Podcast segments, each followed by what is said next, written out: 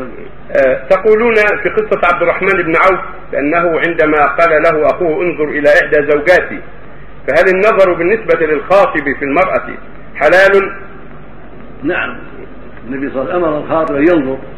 قال إذا خطب أحد المرأة فلينظر إذا ما يدعو إلى النكاح فليفعل فإن ذلك أقرب إلى أن يؤذن بينهما. فالنظر إلى الخاطب إلى المخطوبة لا بأس به من غير خلوة وجاءه رجل ذكر له زوج امرأة يعني أراد أراد الزواج بها أو عقد عليها. قال أنا نظرت إليها قال لا. قال اذهب فانظر إليها. رواه مسلم في الصحيح. هذا لا بأس به بل هذا من أسباب الأدب بينهما يعني النجاح بينهما واستقامة النجاح بينهما.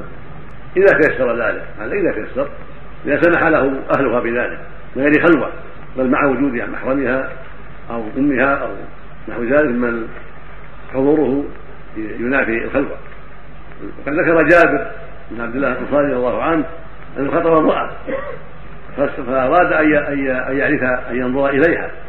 قال فجعلت أتبع النخل وهي في النخل في مزارع الأنصار.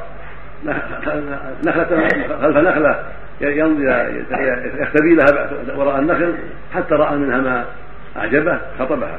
والمقصود أنه أنه إذا تيسر له أن يراها بالإذن والعلم فلا بأس. وإن لم يتيسر ذلك ورآها من غير علمها من من فرجة أو من وراء النخل أو أو من كذا أو من كذا من الطرق التي ليس فيها محذور شرعا وليس فيها خلوة فلا بأس. نعم. يأتم الأهل. إذا ما مكنوا يا شيخ. نعم. الأهل يأتمون إذا ما مكنوا الخاطب من أبويه هل نحن الظاهر لا يأتمون لكن الأولى والأفضل أن يمكنوا. لأن هذا من أسباب الإيذان بينهما والإيذان بينهما. والنبي أمر به عليه الصلاة والسلام وليس فانظر إليها. فلما أمر أن ينظر دل ذلك على جواز أن أنها يستحب له أن يمكنوا ما دام أمر به النبي. فتمكين الرجل الذي أمره النبي ينظر تمكينه أولى لكن بعض الناس من عاداتهم ألا يفعلوا يصعب عليهم ذلك.